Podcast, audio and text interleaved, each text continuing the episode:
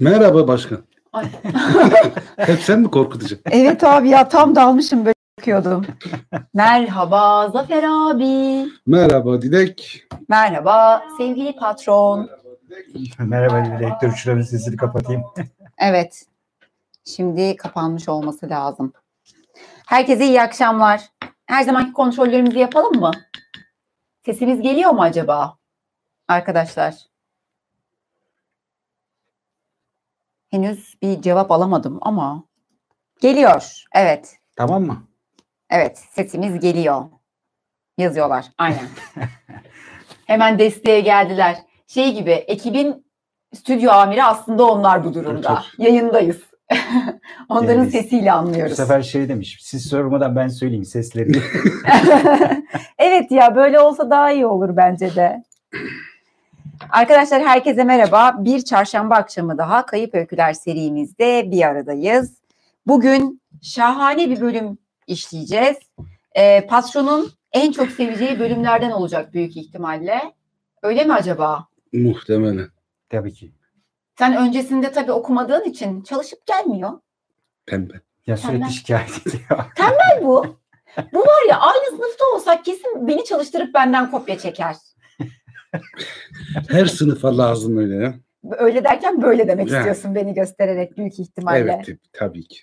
Abi e, solaryuma mı gittin diye soran var. Ben mi? Evet. Yok geçen bir sahile indik. İkimiz. İkimiz de patronla beraber. Evet ben sizi Nasıl, bastım e, sonradan. nasıl bir güneş vurduysa Bir şey diyeceğim o gün bana niye haber vermediniz? Ben sizin yanınıza sonradan geldim. işte sonradan haber verdik. Ya niye öyle yapıyorsunuz? Acaba planlar mı süre yapıyorsunuz? süre uzamasın diye. Aşk olsun. Aşk olsun. Çünkü haber vermesek ayvayı yiyeceğiz. En azından sonuna doğru haber verelim de değil. Benden habersiz plan yapıyorlar ya. Arkamdan iş mi çeviriyorsunuz? Ne yapıyorsunuz? Ya Bunu- sahi bomboştu. Daha karantina vardı o zaman. Ne iş çevireceğiz arkadan? Ben öz hakiki Legendarium Türkiye'yi kuracağım artık ya. Dayanamıyorum. Zafer abi şey diyelim ya biz kemiklerimizi ısıtmaya gittik. Evet biz ihtiyar kemiklerimizi ısıtmaya gittik. İhtiyar kemiklerinize olabilir. Mekanda biraz ışık mı yetersiz yoksa Zafer abi solaryuma mı gitti? Zafer abi sahilde biraz fazla kaldı arkadaşlar. Evet. Sorun bu yoksa ışık aynı. Değil Şurada güneş patron? çizgileri de vardı da bir iki günde geçti Allah'tan. Dur bir Gözlüğün şeyleri. Bakalım şimdi o Zafer abi. Zafer abinin star ışığını da ekledik mi? Bence şahane oldu. Aynen tamam ya şimdi. Tamamız. Ee, bugün Melko'nun zincirlenişi bölümündeyiz. Zafer abi tabii bölümün başında şunu söyleyelim. Kapağı hazırlarken zaten sevgili patronla konuşmuştuk. Şimdi kesin düzeltmeler gelecek. Melkoro, Melko değil, Değil. diye. R'yi unuttunuz diye. Ki hem e, Instagram üzerinden hem Twitter üzerinden böyle yorumlar aldık. Hatta mesajlar aldık. E, düzeltme gereği duymuyoruz ama bunu da daha önce söylemiştik zaten. Evet. Melkor değil Melko diye geçiyor diye Zafer abi bahsetmiştik kayıp, kayıp öykülerde. Evet ya şey garip oluyor arada bir e, bu Discord'a falan girince fark ediyorum ki mesela e, bizi muhtemelen ciddiye almıyorlar sevdiklerimizi. Çünkü kendi aralarında tartışmaya giriyorlar. Biz o konuda video yapmışız hani bir şey be- belirtmişiz. Bunlar bilinemez falan muhabbetleri geçiyor. Kimse bilmez bunları falan diye. Biz cevap verdik diyesim geliyor. Böyle. Bazen onun cevapları var o öyle falan diye ama sallamıyorlar. Bu şeyi kayıp öyküleri izlemiş olsalardı biz orada Yani. söylemiştik. O dönem Melkor değil Melko denildiğini. Sadece tek bölümde söylemedin abi. Her bölümde özel. Her bölümde söyledin. Çünkü sen Melko dedikçe benim Melkor diyesim Evet. geliyor. Üzerine de konuşuyoruz. Bazen Melkor da diyorum hani ağız alışkanlığı Ağız zaten. alışkanlığı. Bir tane arkadaş da çok güzel bir yorum yapmıştı. Yayına girmeden önce okudum. Hatta kendisine cevap da yazdım Twitter'dan. Melko deyince beyaz eşya markası gibi zihinde kalıyor. Onu ne yapacağız gibi bir şey yazmış. Ben de dedim ki yani yayına çok az kaldı. Peki bu bilgiyi benim zihnimden nasıl silebiliriz? Çünkü şimdi benim de aklımda bir beyaz eşya markası canlanmıyor değil. Melko. benim, benim aklımda da Belko var. Kömür dağıtımı diye ne yapacağız onu? Melko Ankara kömür dağıtımı. eskiler bilir diyorsun. Daha eskiler şeyi ne, neydi oranın adı? Mamak yolunda vardı. Kömür.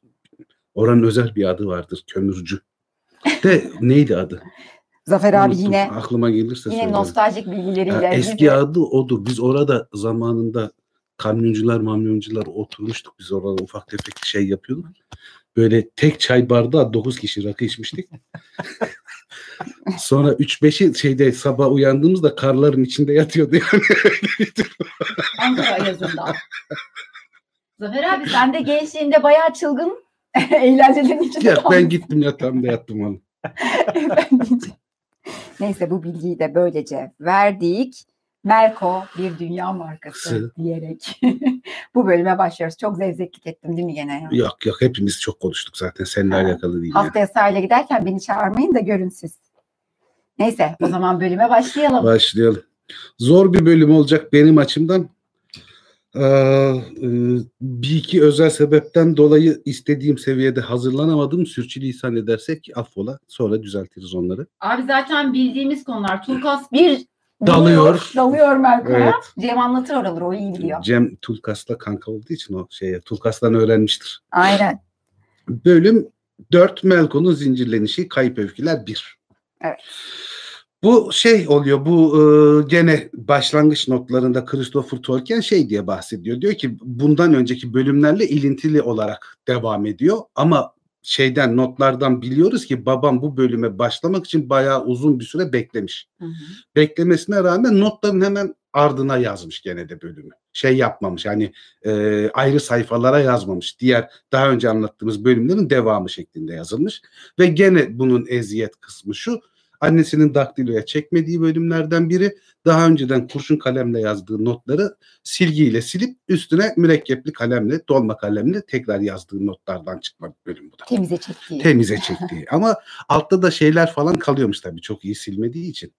Ee, kurşun Önceki kalem izleri de kalıyormuş. O yüzden biraz zor oluyor diye anlatıyor. İlkokulda yeşil silgiler vardı ya defter yırtan. Tabii o zamanlar silgi teknolojisi nasıldı acaba? Bir de o var. Çok kötü olabilir hani. Tabii. Kauçuk falan çok gelişmiş miydi ki o zaman? Senin zamanında var mıydı silgi abi? Vardı vardı. Benim zamanımda da silgi vardı. İlk ilk seneler işte. İlk Silginin seneler. ilk bulunuşu. Kırmızı kalemi silmiyor olabilir belki. Kırmızı kalem zor iz Zor. bırakıyordu zaten. Ben neredeyse hiç yazmadığım için zaten fark etmiyordu. Eriol daha önceki bölümde bahsettiğimiz gibi böyle uyuduğunda yarı düşünde yarı uyanık bir kaval bir flüt sesi duyuyor ve o sesle büyüleniyordu. Bu gece de gene uyuduğunda aynı o büyüleyici flüt sesini duyuyor. Ve şeyde bir canlılıkla kalkıyor sabah erkenden. Bahçeye iniyor. Bahçeye indiğinde bu sefer evin lady'si olan Vayre ile karşılaşıyor. Vayre ile selamlaşıyorlar ve Vayre ona şey diye sesleniyor. eee, merhaba Eriol diye sesleniyor. Ve Eriol ismi ilk kez orada verilmiş. Vayre tarafından verilmiş oluyor. Çünkü bu kahramanımızın asıl adı Arfwin zaten İngiliz adı. Hı hı. Ama Eriol adını Vayre tarafından koyuyorlar ve ilk kez Eriol diye ad konuluyor. Artık o adada yaşadığı sürece Eriol olarak biliniyor. Ve şeyden bahsediyor. Ben bir düş müziği duydum. Çok garipti, böyle çok etkileyiciydi falan diyor. O diyor bir düş müziği değildi. Onu çalan kişi diyor Tin Funk dediğimiz bir şey e, canlı. Hı hı. Ve onun hakkında birçok başka isim falan da söylenir diyor. Bu elfler diyor Tim Funk der diyor. Asıl adı Timpinen'dir onun. Ve çocuklar da diyor onlara şaklayan Tim Funk der ona. Sürekli bu flütüyle inanılmaz derin içerikli, çok hoş müzikler çalarken aynı zamanda da dans eder.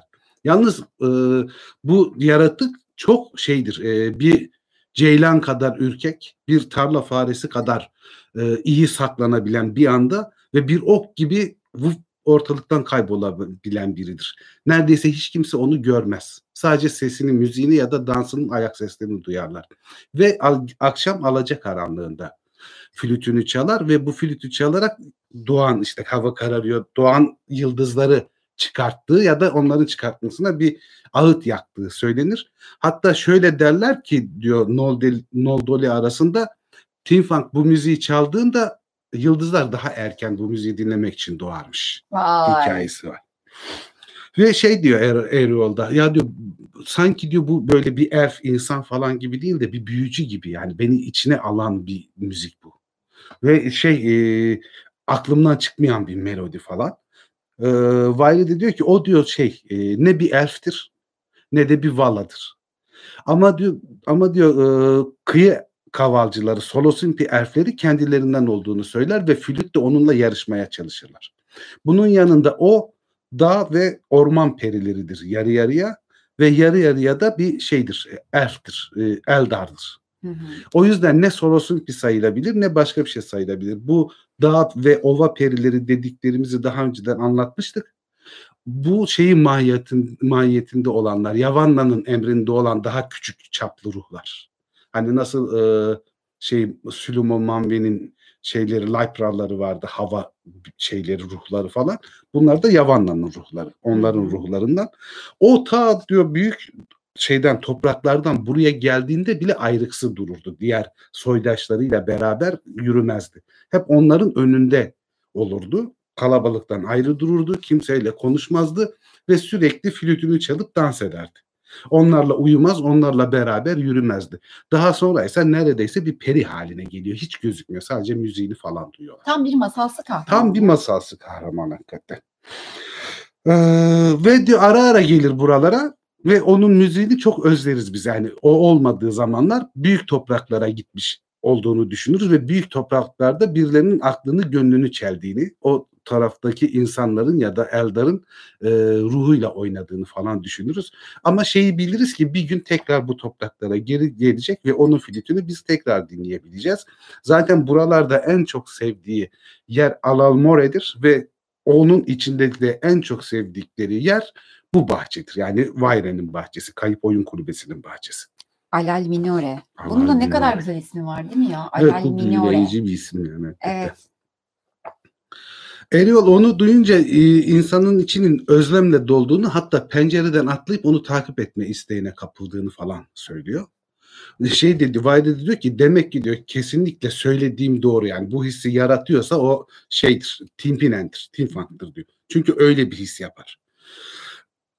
Ve e, bu hissi diyor hayatın boyunca da bir daha unutamayacaksın. Hep alaca karanlık yıldızların çıktığı zaman bunları şey yapacaksın. Bunları hatırlayacaksın ve müziği duydukça dinledikçe için inanılmaz bir özlemle, bir hüzünle dolacak. Bu hüzünden kurtulamayacaksın. Yarı meczup haline geleceksin neredeyse o hüzünden dolayı. Ve e, Eriol da şey diyor, sizler diyor benden çok daha uzun süredir, binlerce, on binlerce yıldır burada yaşıyorsunuz ve on binlerce yıldır bu müziği dinliyorsunuz. Ama ben sizin çok hüzünlü, kederli, böyle yarı meczup falan görmüyorum. Bunun sebebi ne diye sorar. Vayre de şey der, bunun çok basit bir ilacı var. Bizim limpe dediğimiz elf içkisi. Ondan bir yudum bile içsen şeyden, o hüzünden kurtulursun. Çünkü şarkının gizli anlamını anlamaya başlarsın. Şarkının anlamını öğrenebildiğin için de o özlem hissini bilgiye dönüşür. Böylece özleme hissinden kurtulmuş olursun. Ben de limpe içemez miyim o zaman bir bardak da ben içeyim. Limpe sadece elflere ait bir içkidir ve o içkiyi elf olmayanlara verme hakkı sadece kraliçemiz Meril'dedir. Abi şu bölümü okurken yani şu limpeyi bir içse artık da ben de rahatlasam. Erol o kadar çok istedi ki Erol diye isim geliyor devamlı yine her zamanki gibi ama. Erol e, şey içemeyeceğini yani kraliçe Meril izin vermezse o sunmazsa içemeyeceğini söylüyor. Bunun benzerini nerede görmüştük? Nerede görmüştük? Tingol'un eşi Melian tarafından yapılan lembasların Hmm, verilmesinde lembaslar kraliçe ya. yemeğiydi ve sadece kraliçe tarafından yapılıp verilebiliyordu birinci çağda. Doğru. Ve onun sırrını da şeye e, öğretmişti. Galadriel'e öğretmişti şey. E, Galadriel Melian. Hı hı. O yüzden Galadriel peksimetleri Yüzük Kardeşi'ndeki şeyleri azık olarak verebilmişti. Hı. Ve insan soyundan herhalde onları yiyebilen 3-5 kişiden biriydi şey o, o Yüzük Kardeşliği üyeleri. Çünkü o da kutsal bir yiyecek. Herkese verilmiyor. Keşke limpe içse de neler olabileceğini bir görsek yani en azından. Eriol bu konuşmadan sonra e, şeyi anlıyor. Bu topraklardan daha uzunca bir süre ayrılamayacağını, bu müzikle buralara bağlandığını ve buraları çok sevdiğini fark ediyor. İlk başta o kadar rahatsız değil bir iki kez duyduğu için ama zaman geçtikçe şey daha fazla çalmaya başlıyor akşamları flütünü.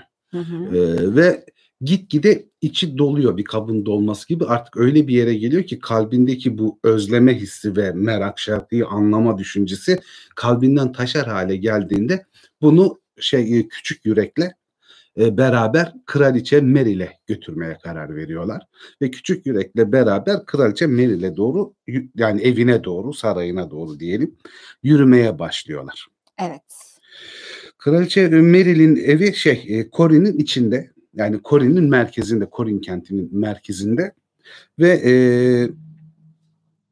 İngil'in yaptırdığı yani o büyük kule vardır. Silmarillion'da şeyin yaptırdığı kule. Tiro, Tirion kentine yapılan kule. Ingven'in yaptırdığı kule. En büyük kulelerden birisi şeydeki. Valinor'daki. O kulenin hemen yanındaki şey var. E, kara ağaçlar e, ormanı korusu var. O korunun ortasına yapılmış Kraliçe Meril'in şeyi evi. O orman da şöyle en önde en uzun ağaçlar Ondan bir kısa ağaçlar arka sıralarda, ondan bir kısa ağaçlar daha arka sıralarda bir basamak şeklinde gökyüzüne doğru uzanan kara ağaçlar. Bu kara ağaçların özelliği şu. E, o kadar koyu renkte yeşile sahip ki yaprakları zaman zaman ışıkla böyle mavi yeşil arası bir görüntüye sahip oluyorlar. Akşamları da simsiyah gözüküyorlar. O korulukların içinde de yüz yuvarlak bir alan var. Hı hı. Şey saha var yüz yuvarlak. Çevresi de tamamen kara ağaçlarla çevrili. O şeyin de e, zemini dokunmuş bir yumuşak kumaş gibi çok kaliteli kumaş gibi uzun koyu renk çimenlerle kaplı. Çimenlik. Ve çimenlik böyle e, dokunması falan bile insana güzel şeyler hissettiren bir çimenlik. Çok düzgün, çok güzel. Onun ortasında da Mary Turing'in yani kraliçe Mary'nin evi bulunuyor. Evi aslında saf bir ışıktan yapıldığı söyleniyor. Evi daha önceden ilk başta bembeyaz bir ışık parlıyor ve evin tamamı şey böyle bir aydınlık gibi. Yalnız orada o kadar uzun süredir o ev var ki ve doğayla o kadar dost ki o evler şey yapılmışlar. E, üstünde damları falan sarmaşıklar falan kaplamış. Duvarlarını sarmaşıklar, yosunlar kaplamış ve şeyde e, artık evin beyazlığı gizlenmiş durumda. Tamamı böyle bir ormanla bütünleşmiş. Yemyeşil, kıpkırmızı, açık yeşil, koyu yeşil, pembe, kırmızı bir eve dönüşmüş. Bitkilerle örülmüş, bitkilerden bir kazak giymiş gibi bir eve dönüşmüş. Yine havalı yine havalı. evet. Yollarına devam ediyorlar. Bu evin özelliklerinden biri de ne bahçesinde ne de damlarında kuşların hiç susmaması. Sürekli güzel sesleriyle öten cap canlı kuşlarla dolu ve e, çok iyi bir bal üreticisi aynı zamanda orası ve devasa bal arıları var. Her çiçeklere konup oradan bal yapan, bal taşıyan arılar var. Arılar, kuşlar, bitkiler falan mükemmel bir alan yani.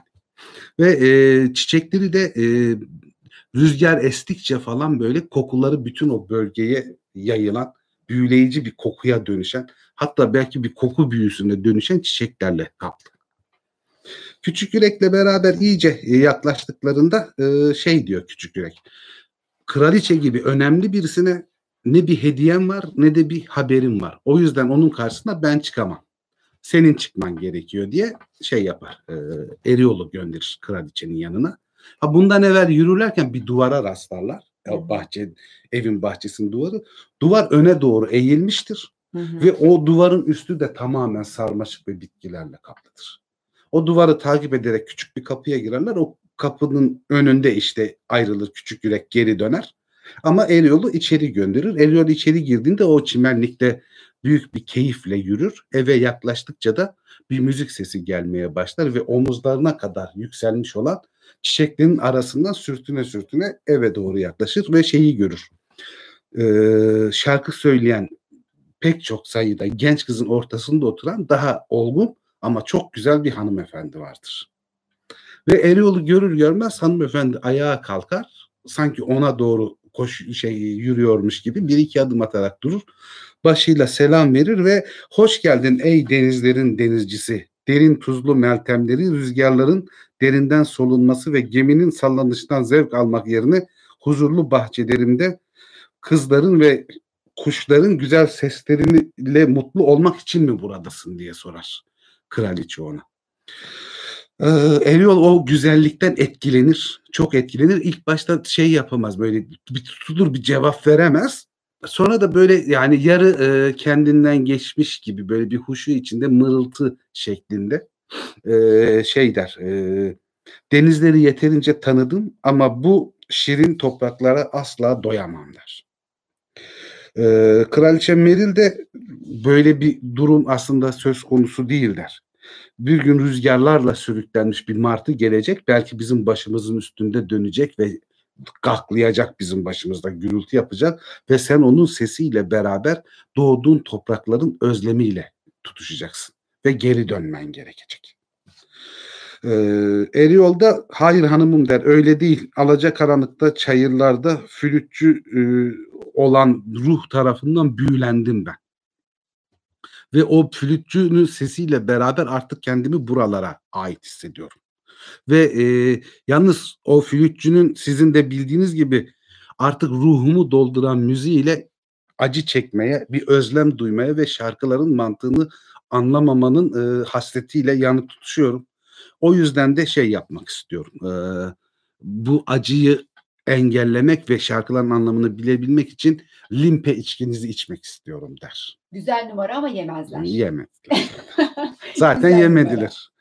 Kraliçenin bir anda o gülen suratı ciddileşir. Kızlara gitmeleri emredilir ve beni takip etler Eriola.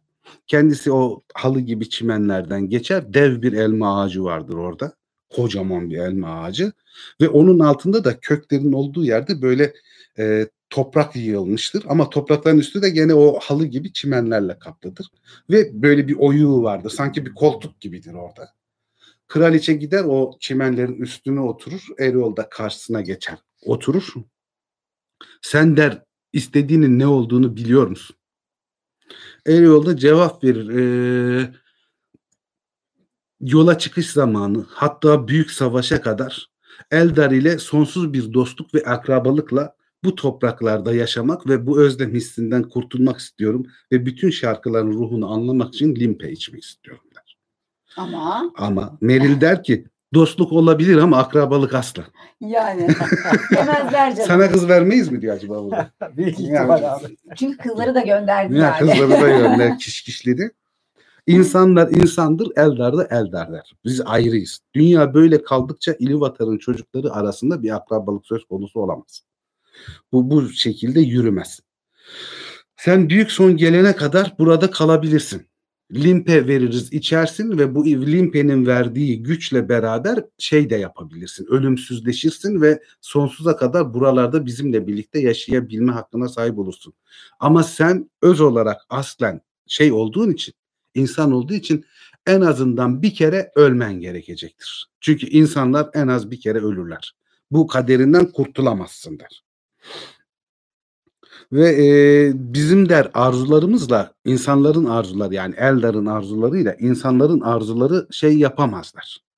E, bağdaşamaz. Bunlar farklı farklı yüreklerin işidir. O yüzden de sen ne istediğini tam olarak bilmediğinden limpeyi içmek istiyorsun. Eriyol'da diretir aslında. Limpeyi içmek istediğinde diretir. Limpe tatmama izin verin halkınızla çağlar boyunca dostluk edebilmek için.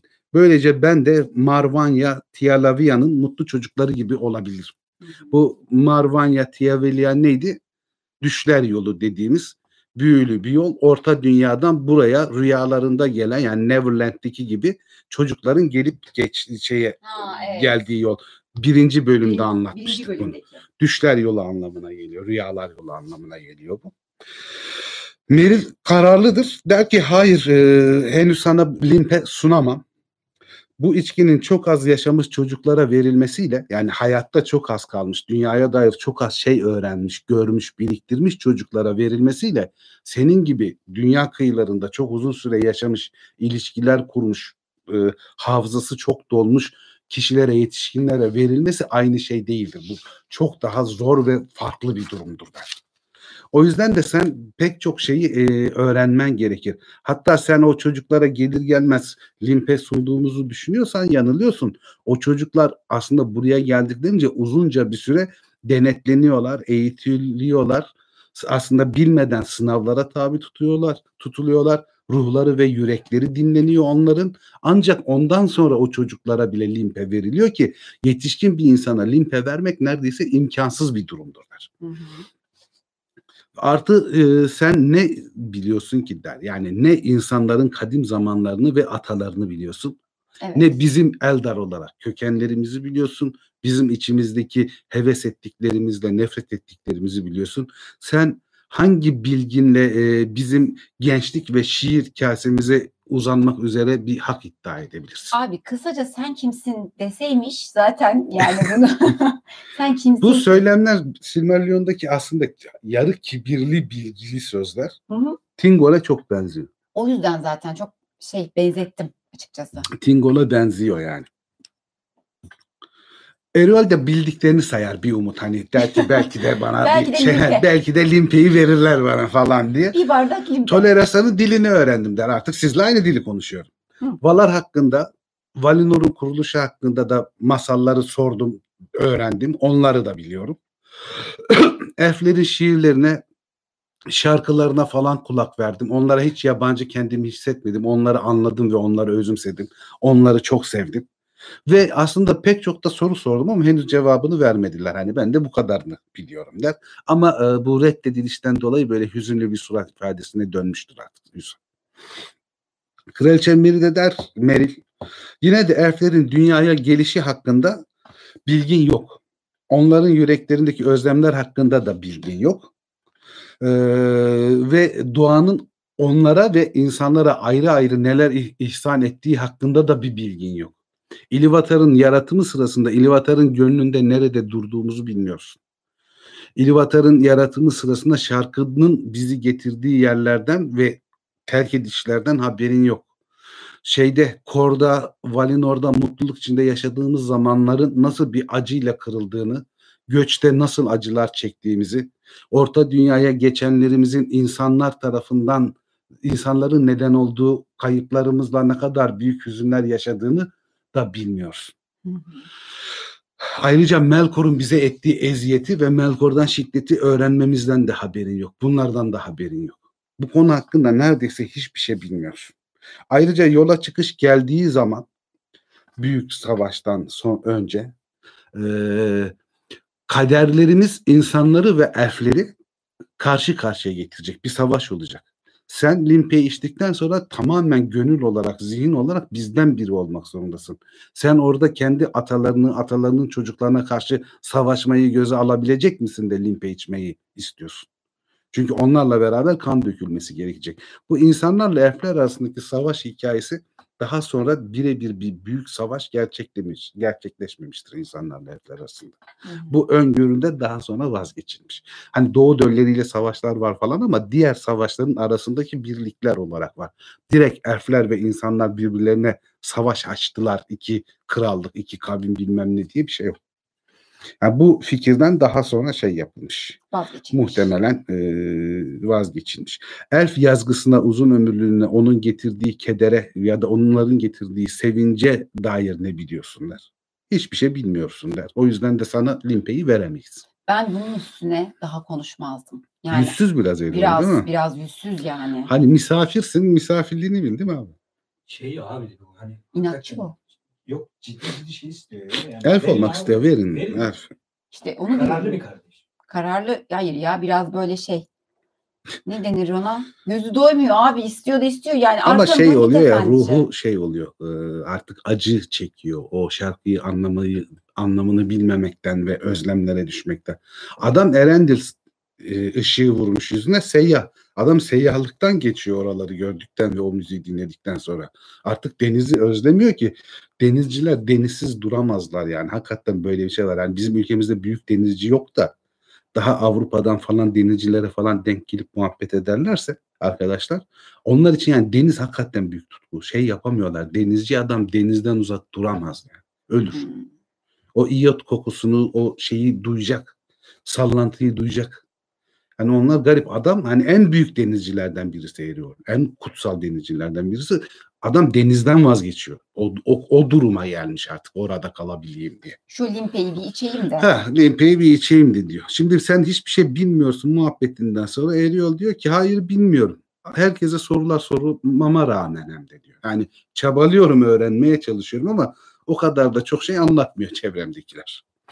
Meril bir güzellik yapayım sana manasında şey diyor. O zaman dinle diyor sana bir şey yapayım. Hava kararmaya başlayana dek o sırada geç öğle diye tercüme edilmiş burada. Hı hı, Geç öğle dedikleri bizim bildiğimiz birebir ikindi işte. Yani hı hı. demek. Yani ikindi diye de Türkçe'ye çevrilebilirmiş. Niye onu kabul etmemişler bilmiyorum. Geç öyle diye şey çevirmiş, çeviren arkadaş. Biraz düz çevirmişler demek ki. Yani o ya bu neyse tercüme konusu başka tabii buna girmeyelim. bu başka tamam. Pardon bir arkadaşlar bu başka bir şey. Ee, Meril dinle o zaman der. Hava kararmaya başlayana dek sana uzun bir öykünün sadece bir bölümünü anlatacağım. Ama sen de bu öykünün bu bölümünü dinledikten sonra şeye geri döneceksin. Kayıp oyun kulübesine geri Daha döneceksin. limpe mimpe yok. Şu anda limpe falan yok Aynen. verememler. Ee, sana der Melko'nun zincirlenişi olarak bilinen huzurlu bir döneme ait kadim tarihlerde geçen bir hikaye anlatacağım. Huzurlu dönemi. Geç. Huzur dönemi. O Evet. neydi? Ona ne deniyor? Yavanla'nın baharı Hmm. hikayesi. Tabi burada zaman Silmarillion'la çelişiktir. Şimdi Melko, Melkor gibi arkadaşlar hemen o, o zaman değildi, o şu zamandı falan demesinler. Bu kitaba göre konuşuyoruz. Onu Bunu belirtelim. Her bölüm söylemek zorunda kalacağız galiba Zafer abi. Dinlemiyorlar. Dinlemiyorlar. Arkadaşlar dinleyin Zafer abi kızıyor. Dinlemiyorlar. Bana kızıyor yani sizin yüzünüzden. Olmaz öyle. Dinlemeden nasıl olacak? Okumaktan geçtim abi. Dinleyin. yani okumuyorsunuz tamam. Evet abi. Anlattım ya.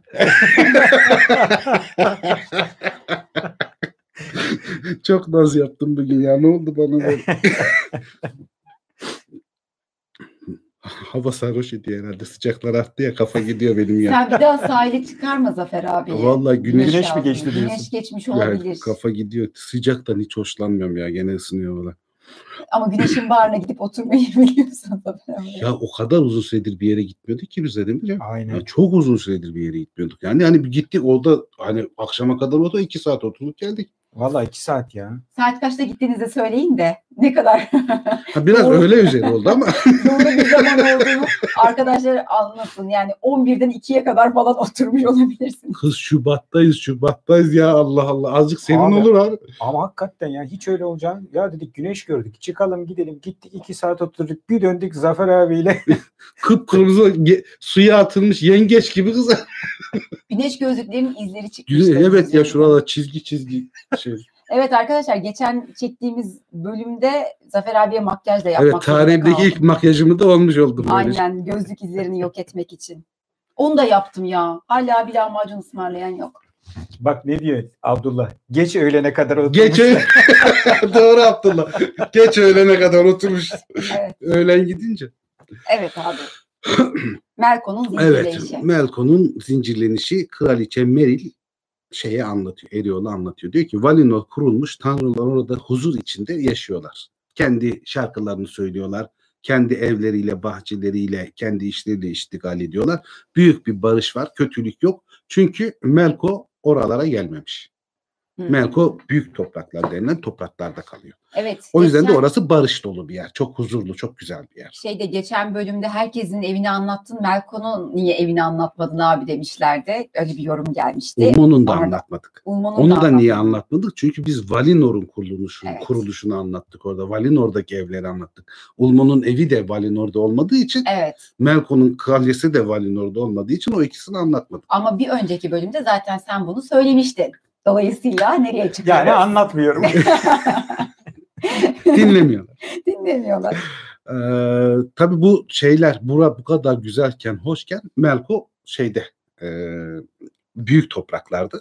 Büyük topraklarda istediğini yapıyor. Çünkü Valar artık oradan uzaklaşmış. Hatta Melko şey diye düşünüyor. Herhalde kendileri gittiler bir yerlere yerleştiler. Buraları da bana bıraktılar. Ben burada istediğimi yaparım. Yok öyle yağma. O yüzden korkunç fırtınalar, depremler, şeyler, e, volkanik patlamalar falan istediğini yapıyor. Bütün kuzeyi ve güneyi yavaş yavaş buzla donduruyor. Nehirler falan donuyor. Kar tipi şeyler, e, o senin denizleri sığ denizler ya onlar. Daha doğrusu denizin sığ kısımları göreli olarak. Ta onun derinliklerindeki topraklarda falan depremler ve çatlamalar yaratıp e, şeyin dünyanın merkezindeki lavları dışarı püskürtüyor ve onlardan denizlerin bir kısmı doluyor mesela. Hani karalar ekleniyor mağmanın soğumasıyla. Adalar yerleşiyor. Kimi yerlerde de o kırılmalar, çatlamalardan oluşan dalgalarla deniz o kadar yükseliyor ki karaların bir kısmı denize katılmış oluyor. Yani bütün coğrafyayı harmanlıyor neredeyse Merko. Çünkü diyor rahatım nasıl olsa valla yok hani onlar gittiler. Eğleniyor Ben burada eğleniyor. Bunlardan memnun olan iki tane vala var. Makarla Maasti şu savaşçı Şey dövüşçüler. dövüşçüler. Onlar şey yapıyorlar. Gidiyorlar bir boran moran mı var? O boranın içine giriyorlar mesela. Deprem mi oluyor? Gidiyorlar orada oturuyorlar falan. Hani Aksiyon hareketi seviyor. seviyorlar, aksiyonu seviyorlar, o zorluğu seviyorlar. Onlar hakikaten tam düz savaşçı yani. Teknik manada tam barbar diyebileceğimiz adamlar yani. Böyle hayatın içinde adamlar. Ne olursa mutlu oluyorlar. E tabi bir de valalar ölmüyorlar. Onun da keyfini sürüyorlar. Öyle de bir durum var yani. Ve dünya o zaman karanlıkta. Burada işte o ağaçları oluştururken e, kuleler yıkıldıktan sonra e, kulelerin ışıklarını havadaki akışkan ışıkları toplayarak yapmışlardı ve yıldızları. Hı hı. Burada akışkan ışık meselesi gene geçiyor. Bu silmali akışkan ışık olarak geçmez. Burada resmen sıvı bir ışık vardır. Ee, bu kitabın özelliği. Ama burada betimlemeler zaten çok daha Çok kuvvetli. daha Mesela kuvvetli. şu ana kadar gözünde canlanmayan Cem bir an var mı? Yani o kadar net ki bu bütün masalsı. betimlemeler. Yani. Çok bu masalsı. çok masalsı. Dinlemesi çok keyifli. Yani bu, bu Çok çok keyifli. masalsı. Bayağı masal yani hakikaten. Gözümde canlandı benim an ve an yani bütün. Ha bak mesela ben Cümleler. geçen hafta da söyledim. O benim çok hoşuma gitti. Şeylerin ağaçların bütün o reçetesini vermesi, Evet, evlerin yapılışı, evlerin bahçesi, Malzemesi. malzemesi. Yani çok, Çok yoğun. çok yoğun bu. Yani çok masal hakikaten masal yani. Ve şey işte o sıvı ışıklar falan da az kaldığı için şeyi tarif ederken oradaki güzellik kaybını, büyük toprakta güzellik kaybını az ışık var. Eskisi kadar yağmur da yağmıyor. Hı hı. Ama yağmur yağdığı zaman da o ışıkların arasından titreyerek o güzel bir perde görünümü falan da kalmamış. Çünkü neredeyse tamamı karanlık. O kadar az yıldız kalmış ki şeye e, kulelere topladıkları için ve Varda yenilerini yaratmadığı için loş bir dünya artık karanlığa daha yakın bir loşluk ama böyle e, tatlı bir loşluk değil ve kırmızı sarımsı renklerle aydınlanabiliyor. Onun sebebi de şey Melko sürekli volkanlar falan patlattığı için o volkanlardan çıkan o kırmızı alevlerle falan böyle kızılımsı bir aydınlanma falan var. Çok karanlık çağlar büyük topraklar için. Hı hı. Tabii bu sırada ne insanlar var ne elfler var ne doğru düzgün hayvan bitki var. Yani daha hala ham halleri bunlar dünyanın. Üstüne henüz şey canlılar falan çok gelmemiş. Yani hareketlice kel var henüz yaratılmamış. Sonra bir de şey canlılar. geliyordu değil mi abi böyle mantarlar falan tuhaf. O daha sonra türler. Palurian tarafından Evet. şey yapılacak. Ee, ve şeyden e, Melkor kendisini böyle çok eğlendiği falan için dünyayı istediği bir karman çorman edebiliyor. Böyle kendinde şey e, yapıyor. O Utumno kalesini falan da çok rahat bir şekilde oluşturmaya ve gelişletmeye başlıyor. Birçok kötü ruhlar falan da yakalıyor bu şeyle inenlerden, Mayyar'la, Mayyar diyorum, Vala'yla, Aynur'la inenlerden falan. Yani Melkor'un krallığı gibi o sırada o bölge. istediği gibi at koşturuyor. Ama Palurian Yavan'la şey yapıyor. E, Valinor'daki kendi bahçeleri ya da Valinor'un kendi yeşillikleri, hayvanları bilmem neleri zaten mükemmel, sağlıklı ve düzgün olduğu için kendi bahçelerinden ayrılıp artık büyük topraklara da bir şeyler yapmak gerektiğini hissediyor. O yüzden de büyük toprakların oraya gidiyor ne yapabilirim falan diye. Ee, kendi tohumlarını falan ekiyor ka- karanlık dünyaya, çok az ışığı olan dünyaya falan. Ve bunları yaparken de şarkılar söyleyerek çok büyük, derin büyüler yapıyor. O büyülerin sesleri bütün tarih boyunca aslında kimi yerlerde kalıyor. Ve Hı. hatta diyorlar ki o büyük topraklarda daha sonra bizim orta dünya diyeceğimiz yerdeki topraklarda 3. çağda yani Yüzük Savaşları sırasında bile iyi bir büyü yapılabiliyorsa ta o zaman Palurien'in söyleyip de oralarda bir yerlerde sızıp kalan o iyi büyülerin e, yardımıyla oluyor bu iş. Yani o kadar güçlü büyüler yapıyor. Bütün bunları yapmasına rağmen şey e, olmuyor. Ee, suların kirlenmiş olması, havanın karanlık olması, yağış düzensizliği, aşırı sıcaklar ya da aşırı soğuklardan çok ilkel canlı türleri doğmaya başlıyor. Yani şeyden böyle yosunlar, likenler falan oluyor. Hı hı. Mantarlar çıkıyor ve aşırı nemli topraklarda yaşayabilen mantarımsı gene bitkiler çıkıyor. Sonra onlar kuruyor ve şey yapıyorlar, dökülüyorlar, uzun süre kalamıyorlar. Ama bu neyi sağlıyor? Onların organik çözülmeleriyle beraber daha gübrelenmiş, bereketli bir toprak haline geliyorlar. Çünkü organik olarak güçlenmiş oluyor. Onun üstünden eğrelti otları, e, falan e, yeşermeye başlıyor. Ama gene de çok çirkin görüntüler, çok kötü, çok basit şeyler. Ağaçla şeyin aralarından e, toprağın ve kayanın aralarından falan sürüngenler çıkmaya başlıyor. Düzgün hayvanlar değil de daha çok melkoyla alınabilecek hayvanların daha küçükleri. Kertenkeleler, solucanlar, sürüngenler Pis falan. hayvanlar. Yani bu bunun tarifi o. Benim için yani Soğuk. fark etmez. Kedi hariç hemen bütün hayvanlar aynıdır. Beni ilgilendirmez. Soğuk hayvanlar. Ha, soğuk hayvanlar evet. Sürüngenler şey yap. Yalnız neyi fark ettim biliyor musun Zafer abi? Tolkien jeoloji bilimini Biliyor. falan filan yani dünyanın oluşumu ile ilgili bayağı da Bayağı bilimsel biliyor. bilgisi var. Bayağı bir de. Yani şey o şey evrimi hızlandırılmış bir şekilde takip ediyor. Çok basit basamakları. şeklinde. Evet yani şu an dünyanın oluşumunu anlatıyor. Evet. neredeyse. Ee, şey yapıyor bu çok üzülüyor ağlıyor falan yani. Bu benim istediğim gibi bir şey olmuyor. Benim istediğim gibi bir yaratım yapamıyoruz diye. Palurian çok yani Yavan'la çok şey yapıyor kahrediyor kendini. Oğlu Oreme buna dayanamıyor. Annesinin yardımına koşuyor. Zaten bütün çağlar boyunca orta dünyada fiziksel varlıklar yani büyük topraklarda fiziksel varlıklarıyla en uzun süre kalan kişiler Orome ve şey Yavan'la zaten. Bu Silmarillion'da da böyle onlar hep orta dünyada fiziksel olarak çok fazla varlar. Ulmo ruh olarak var. Nehirlerde falan olduğu için kendi fiziksel olarak değil ama oradaki suların ruhu olarak ruhani olarak Ulmo da çok uzun süre orta dünyada kalanlardan. Diğerleri doğru düzgün orta dünyaya gelmiyor zaten. Hı hı. Ve e, bu şekilde e, Oreme yardıma geliyor ama Tuyivina yani şeyin e, mahiyetinden önemli ruhlardan birisi e, Yavanlı'nın Kulili'nin ışığından vazgeçemediği için onun kabının yanından ayrılmıyor. E, ve şeyde e, Nessa'da şeyin yanından ayrılamıyor. Kendi dans ettiği çimenlerden falan ayrılamıyor. Onlar Valinor'da kalıyor. Oysa onlar onun yardımcıları olarak gelse daha güzel şeyler yaratabilmek için daha fazla güce sahip olacak şeyde Yavanla'da.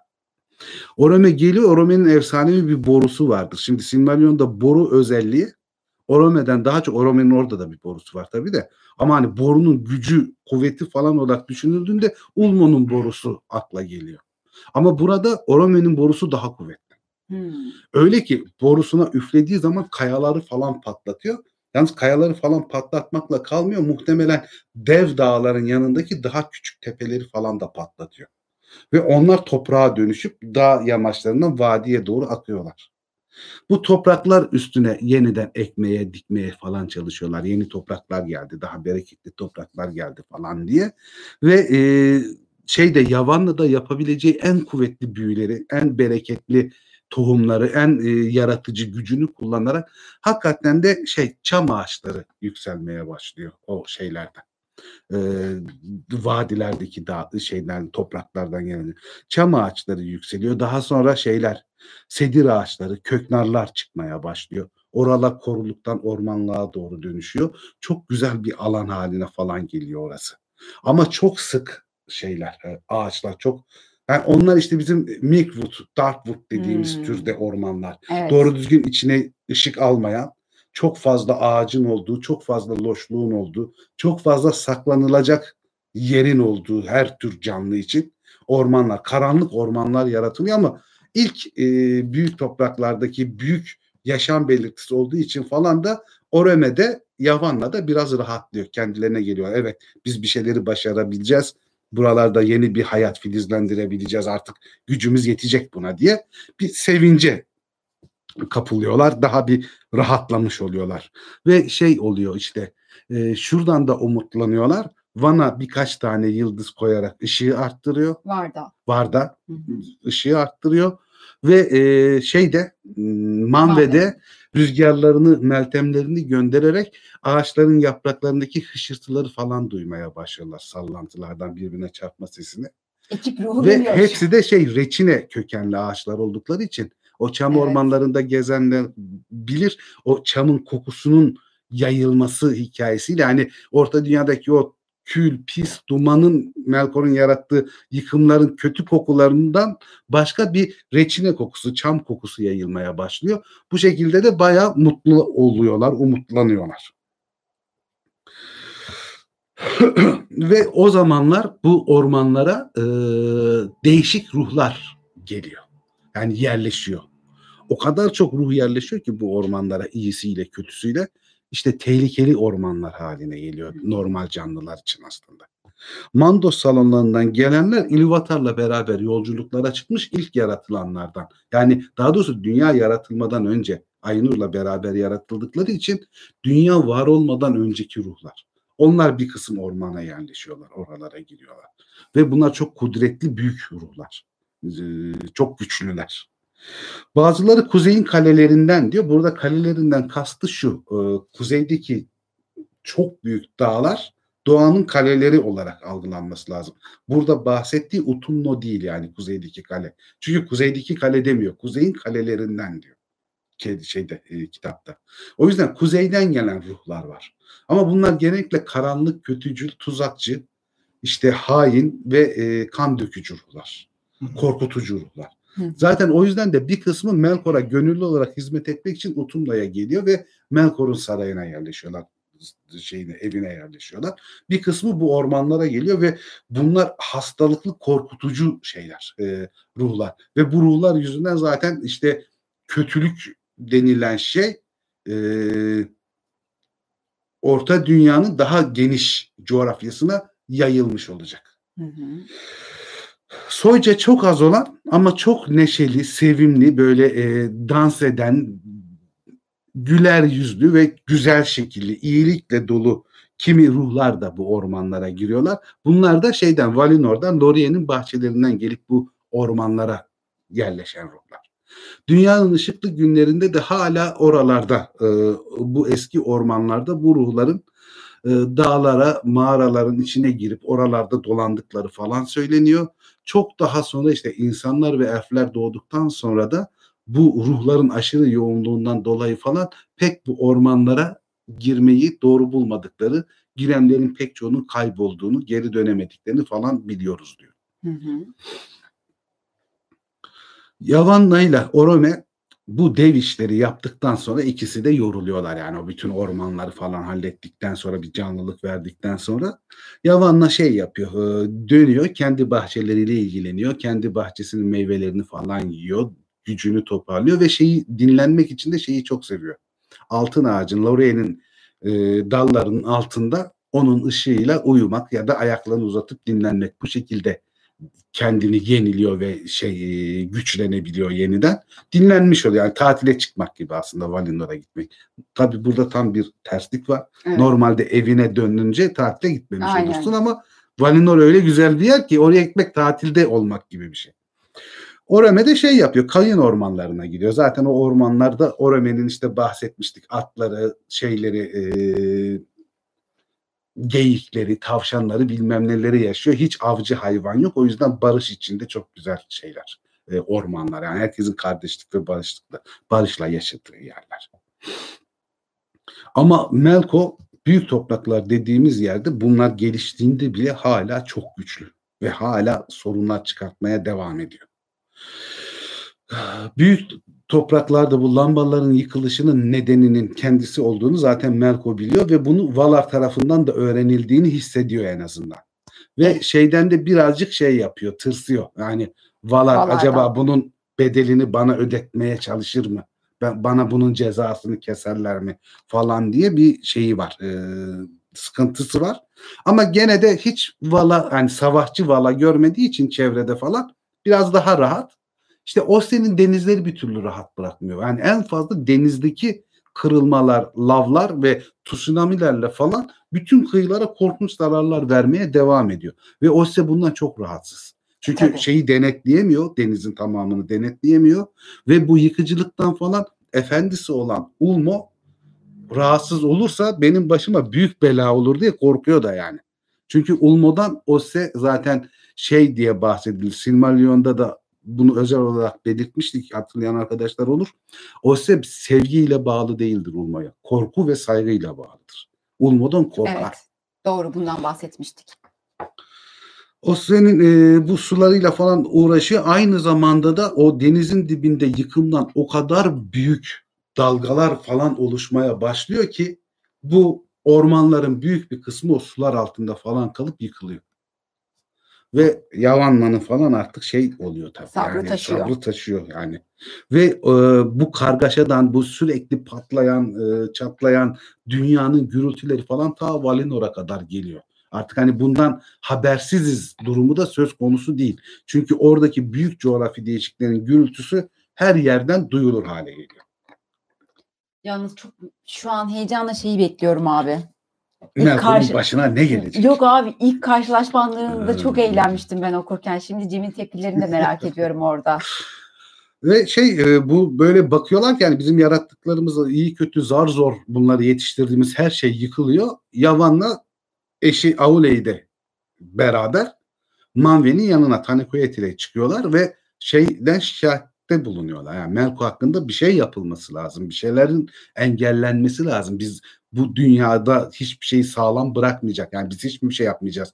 Biz Valinor'da kalıp başka hiçbir şeyle ilgilenmeyecek miyiz? Yani orta dünya niye var o zaman? Niye Evet. var edildi falan diye. Ve e, şeye çok kızıyorlar. Yani e, bir karar verilmemesi durumuna. O sırada Osse de geliyor. Osse de durumdan çok şikayetçi. Ulmo ile başım belaya girecek. Denizlere hakim olamıyorum ve denizler sürekli hem karalar için hem kendileri için büyük problemler, büyük coğrafi değişikliklere neden oluyorlar. Bu konuda hani Melko'nun yaptıkları yeter. Bizim bir şey yapmamız lazım. Yani bir karar alıp onu uygulamamız gerekiyor diye konuşuyor şeyle Manve ile. Ve e, Manve ayağa kalkıyor. Korkunç bir sesiyle diyor. Bu kitapta Manve'nin sesi özellikle belirtilir. Evet. Manve'nin sesi mutlak etkili bir sestir. Her yerden duyulur canı isterse. Yani o sesten kaçamazsın. O sesle bir şeyleri yıkabilir. O sesle bir şeyleri yapabilir. Yani Manve'nin sesi çok özel bir sestir. Kayıp Öfkeler kitabında. Ve e, Manve ayağa kalkıyor ve şey diyorlar. iki ağacın arasında bir Vala konseyi toplanıyor. Ve bu iki ağacın arasında iki ağacın ışığının birbirine geçtiği saatlerde bu Vala konseyi toplanmış oluyor. Büyülü bir zamanda. Valinor'un en güzel ışığı derler ona. O ikisinin birleştiği saate. Ve e, bir şey yapmak istiyorlar. E, orada toplanıp Toplantı. toplantı yapmak istiyorlar. İşte Karar neler alacaklar. neler al- ne yapacağız, ne edeceğiz diye. Abi bu arada Mavi'nin yanına geliyorlar ya hepsi birlikte oradalar değil mi şu an konuşacaklar yani Evet. karşılıklı. Hatta Ulmo bile uzak denizlerden geliyor ki Ulmo normalde sıradan toplantılara katılmıyor. Bu iş çok büyük bir iş olduğu için toplantıya katılıyor. O yüzden Ulmo da gelmiş bir şey yapmalıyız yani. Herkes aynı kanıda. Yani bu bunun şeyleri e, özellikle Aule'de çok şey rahatsız bu durumdan Yavanla'yla beraber. Diyor ki yani bu Melko'nun engellenmesi lazım. Yani tutuklayacak mıyız? Ceza mı vereceğiz? A- anlaşacak mıyız? Ne yapacaksak yapalım ama yani bu orta dünyanın bundan kurtulması lazım büyük toprakların. Ve o yüzden Aule Tilkal adını verdiği özel bir metal yapıyor. Özel bir metal yaratıyor. Yani alaşımlardan metal yaratıyor. O altı tane şeyin metalin karışımından oluşuyor. Ve bunu Melkor'un tutsaklığı için yapıyor. Artık hani onu tutuklayalım mailinde bir karar var Vala toplantılarında. Hı hı. O yüzden diyorlar ki yani Melko, e, Melko normal demirlerle ya da normal e, tutsaklık malzemeleriyle e, zapt edilebilecek bir güç değil. Çok daha güçlü olduğu için ona özel bir metal bulunuyor. Onun adı Tilka. Bakır, gümüş, kalay, kurşun, demir ve altından belli oranlarda işte Aule'nin bildiği oranlarda karıştırılıyor ve yedinci bir metal oluşuyor. Ve o şeyler çok güzel bir şeyi var, hikayesi var. Mesela bu şeyler işte e, Tilkal aslında akrostij bir şey. Yani kendisini oluşturan metallerin asıl adlarının yani tabii şeydeki e, orta dünya için asıl adlarının baş harflerinden oluşuyor. Ay akrostiş deyince bir an şiir okuyacaksın Yok. sandım Zafer abi. Tilkal. Tilkal işte T tambe bakır demek. Hı hı. İlsa gümüş demek. E, Latuken kalay demek. Kanu kurşun demek. Anga demir demek. Laure altın demek. Hmm. Bunların hani hepsinden alıyor baş harflerini kullanıp Tilkal adını veriyor o şeye de. Ve bunu o Aule'den başka dövebilecek yetenekte ve güçte birisi yok. O sadece Aule tarafından dövülebiliyor. Şöyle bir özelliği var. Tilkanın kendine has metalsi özelliklerinin yanı sıra bileşiminde bulunduğu altı metalin de bütün özelliklerini de muhafaza ediyor aynı zamanda. Yani harbi büyülü bir şey metal yani. Özel bir simya. Özel bir simya. Bu simya yani bu normal alaşımla açıklanabilecek bir durum değil. Aynen. Ee, değişken paraltılara sahip olmasına rağmen bu metal parlak yeşil ve kırmızı gibi gözüküyor.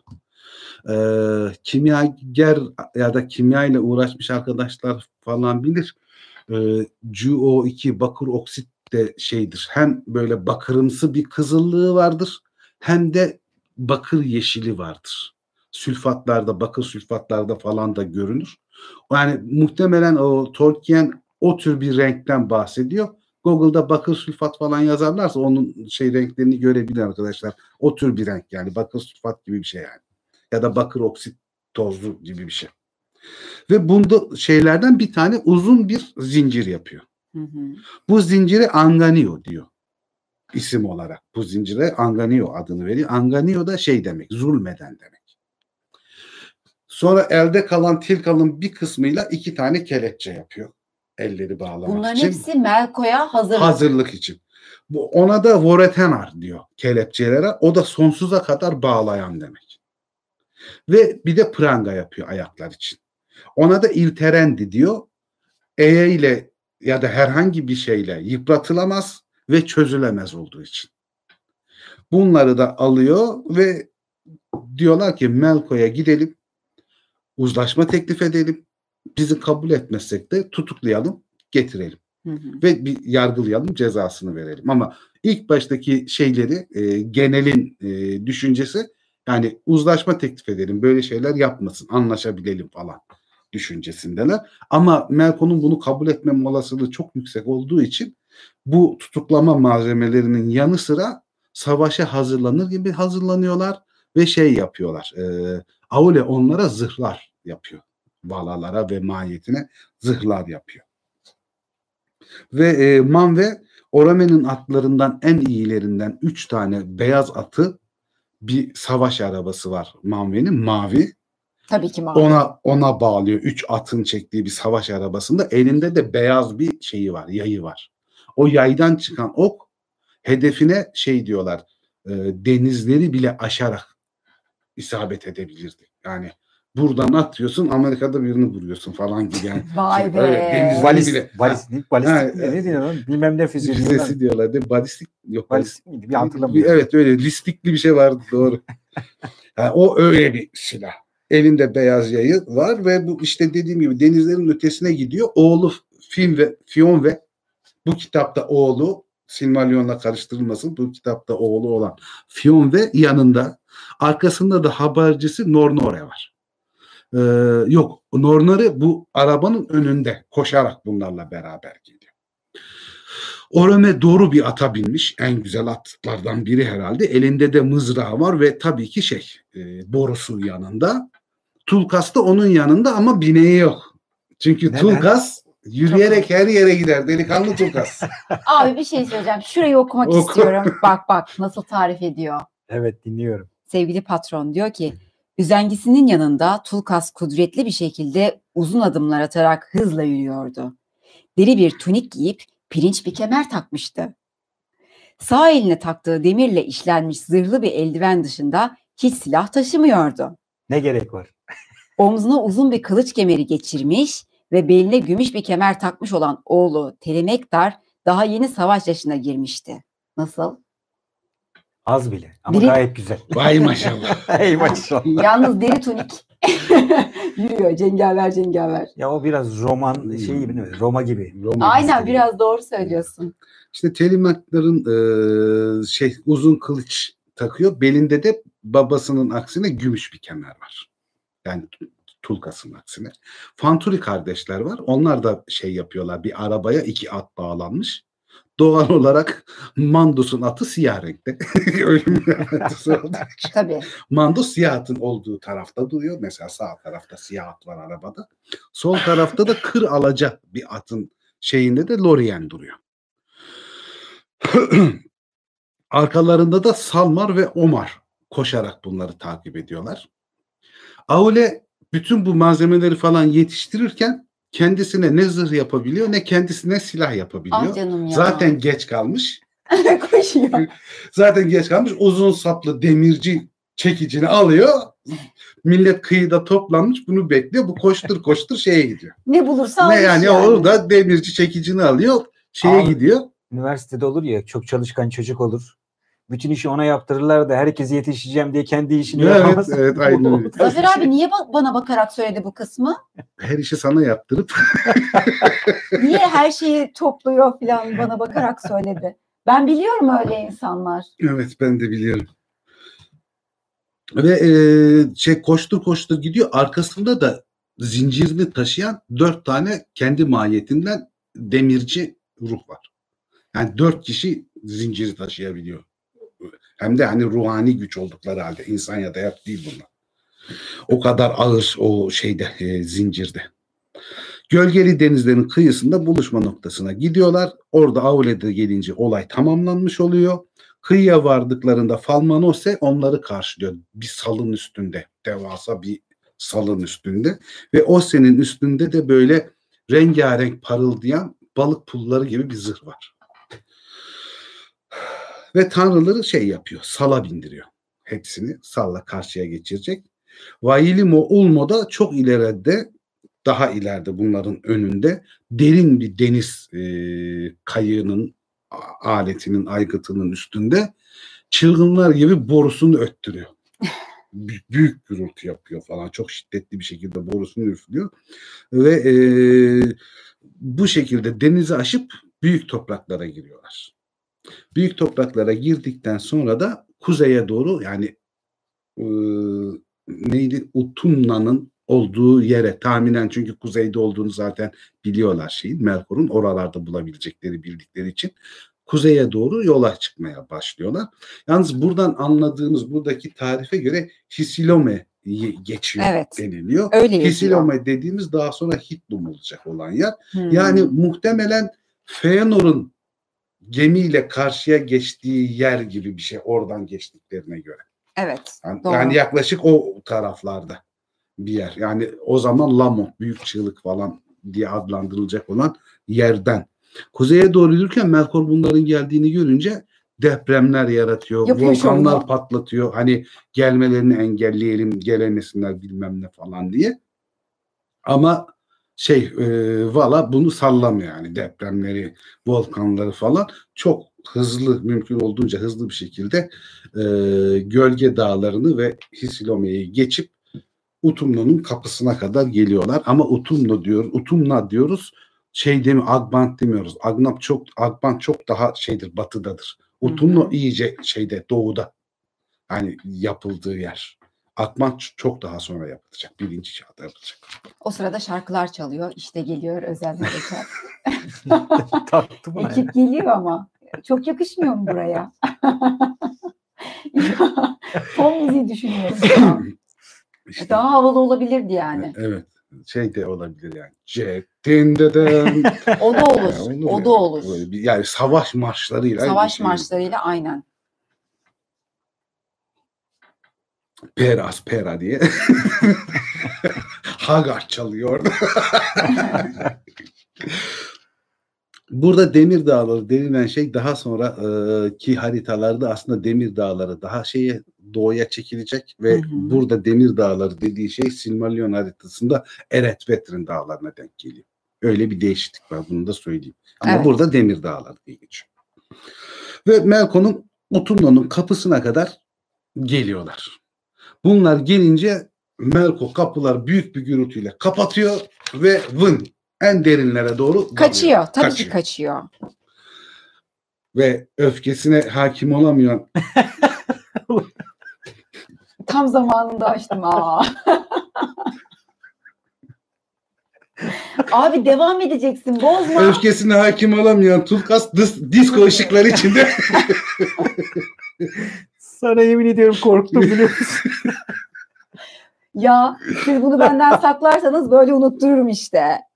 öfkelenen Tulkas demir yumruğunu kapıya vuruyor. Kale bile titriyor ama kapı açılmıyor. Oren atından iniyor, borusuyla bir üflüyor, kapı ardına kadar açılıyor. Ve Manve her yerden duyulacak olan o görkemli sesiyle Melko'ya bir adım öne çıkmasını emrediyorum diyor. Melko aşağıda duyuyor bunları ama yemiyor kendisi ama bir şekilde niye geldiler, neyi düşünüyor bilmem ne öğrenmesi lazım. Şey kendisi çıkamadığı, cesaret edemediği için ulağı olan Langon'u gönderiyor yukarı. Evet. Ve Langon şeye ile konuşuyor. Valarla konuşuyor. Gelen Valayla konuşuyor. Abi Tulkas koca yumruğunu indirdi ama değil mi? Evet. Yani. Demirden yumruğu. Hayır benim anlamadım. Tulkas vuruyor kapıya açılmıyor. O zeytin Oranın- hikayesi. Öyle O yormuş zaten onu. O hafifçe estirdi mi o zaten o açmış aslında da birisinin itmesini bekliyormuş. Hayır bir an oromaji mi olayım diye. Abi ya görüyorsun değil mi? Yüce tapıyor. Patron kızım adam ya. İlginç yani. Neyse ki patron. Evet çok şükür. Langon geliyor diyor ki Melko geldiğiniz için büyük bir sevinç ve merak duyuyor. Sizleri memnuniyetle hoş geldiniz demek istiyor ama evinin yetersizliğinden dolayı en fazla iki kişiyi misafir edebilir. Burası Burası küçük bir yer. Çok komik ya burası Evet. gerçekten. Ve diyor şey e, mümkünse bu seçeceğiniz iki kişi e, Tulkas ve e, Manve. Manve olmasın. Yani onlar gelmez. Ama sebepleri var yani öyle hemen. Ama diyor yani bunun şeyi sebebi de şey birisi diyor çok kıymetli birisi çok değerli bir misafir. Onu ağırlamak zor. Öyle bir şeyimiz yok. E, ikramımız yok. Yani o yüzden ayıp olur şey yapamayız. Yani Ağırlayamayız. Ağırlayamayız hakkınca ayarlayamayız. Ayıp olur. Diğerleri de çok diğeri de çok hünerli çok becerikli. O bizim buraları sevmez kaba saba yer. O yüzden ikisi gelmesin diyor siz iki tane adam gönderin diyor. Ha diyor bu iş hoşunuza gitmiyorsa hani bu aklımıza yatmadı diyorsanız habercilerinizden birini gönderin Melkor onu kabul edecek diyor. Bu çok uyanık. Tam Zübükzade. Tam Zülfikzade. Ama bak bu son cümle abi davet cümlesi şahane. Diyor ki Melko Manve'nin habercisini dinlemekten tanrıların yumuşak sedirlerini ve Valinor'un tembelliğini bırakıp Melko'nun mütevazi bir şekilde çalışarak yorucu işlerini yaptığı bu soğuk yerlere dek gelmeyi niçin böylesine arzuladıklarını öğrenmekten çok memnuniyet duyacaktır. Tam çakal ya. Burayı Fransızca düşünüp yazmış bak ben sana diyeyim. Öyle mi Şu, diyorsun? şura Fransızca düşünülmüş. Hiç kimse bu kadar uzatmaz yani böyle şeyi uzatma. Bu Fransızca kafası. Bu Fransızca düşünüp yazılmış. Ya hakikaten. Bizim Orhan Boran öyleydi. O herhalde Galatasaray Lisesi mezunuydu. Evet Orhan abi. Boran değil mi? Herif zaten çok iyi Fransızcası var. Kill the Cat diye bir grup vardı. Erkek çocuk boy bandlerden çok gençken sen yokken. Hiç sevmezdim ben de. Ve hani şeyde İngilizce karşılığını e, merak kediyi öldürür. Evet. Hani atasözü. O nasıl tercüme etmişti? Fransızcadan çeviriyor ya aklında. Kedinin ölümüne merakı vesile oldu. çok güzel. O harbiden o bakış açısına Yani o, sahip öyle, burası. öyle yazılmış. Şimdi böyle olunca Valar kendi arasında toplanıyor tabii. Ama bunu yaparken de delikanlı Turkas diyor ki ben gider bunun ağzını burnunu kırarım diyor. Öne atılıyor. Hakikaten yani şey dövmeye eğilecek. Yani kitapta da öyle yazıyor. Merdivenden aşağı inip dalacak Melko'ya. E abi bir de isim verdi. Tutuyorlar bunu mahalle şeyi gibi kavgası gibi tutuyorlar sakinleştiriyorlar. Bir dur bir konuşalım ne yapacağız ne edeceğiz diye. Abi isim verdi bir de. Seni Ha, istemiyorum. Tulkas'la yani. Manve'yi istemiyor. O temelli delleniyor yani. Yani sen kimsin? Bunu tutuyorlar kollarından bir sakin ol diyorlar. Bir konuşalım ne yapacağımıza karar verelim falan. Aule orada zekasıyla ön plana çıkıyor. Ve şey diyor yani bu burada diyor öğrenebileceğimiz bir veriye ulaştık. En çok çekindiği iki Vala'nın kim olduğu belli. Manve ile Tulkas istemiyor. Biz diyor ne yapabiliriz de acaba Melko'nun e, rızasıyla bunları içeri sokabiliriz. Öyle bir plan yap- yapmalıyız ki bu ikisini içeri sokabilmeniz. Melko buna izin vermeli falan. Bir hile yapmalıyız diyorlar. Manve'de aklına yatıyor. Tulkas'ın aklına yatmıyor. Gideyim döveyim diyor. ya bir bırakın. bir bırakın bir döveyim diyor. Yok diyorlar hani şey e, Manve şeyi biliyor çünkü orada da açıklıyor. Diyor ki yani biz diyor hepimiz gücümüz yeter. Melko ne kadar derinlere inerse insin biz gider onu oradan çıkartır tutuklarız. Ama bunu yaptığımızda dünyadan bize geriye ne kalır? Yıkımdan geriye ne kalır? Ve dünya üstümüz öyle bir patlar ki bu kötülük lekeleri bizim de ruhlarımıza bulaşmış olur diyor. O yüzden diyor Aule'nin dediği doğru bir hile yapmamız lazım ki istediğimiz gibi nasıl yapacağız falan diye. Nora e, Nornore şeyin habercisi ulağı olarak ona şey e, ne söyleyeceği ezberletiliyor e, e, şey tarafından Vala tarafından Nornore'yi gönderiyorlar Melkor'un yanına. Diyor ki dinle Melkor diyor Nornore. Tanrılar senden af dilemeye geldi. Melkor e, büyük kızgınlığını ve bunun yıkıcılığını gördüklerinde dediler ki Melkor neden bu kadar sıkıntılı? Aramızda en yüce olan o değil mi? Niçin Valar'ın en kudresi Valinor'a gelip yerleşmiyor? Bu haksızlığa öfkelendiği için kesin bu kadar yıkıcı ve kızgın. Ve bu büyük haksızlık. Biz onun Valinor'a gelip yerleşmesini istiyoruz. Orada ikamet etmesini istiyoruz.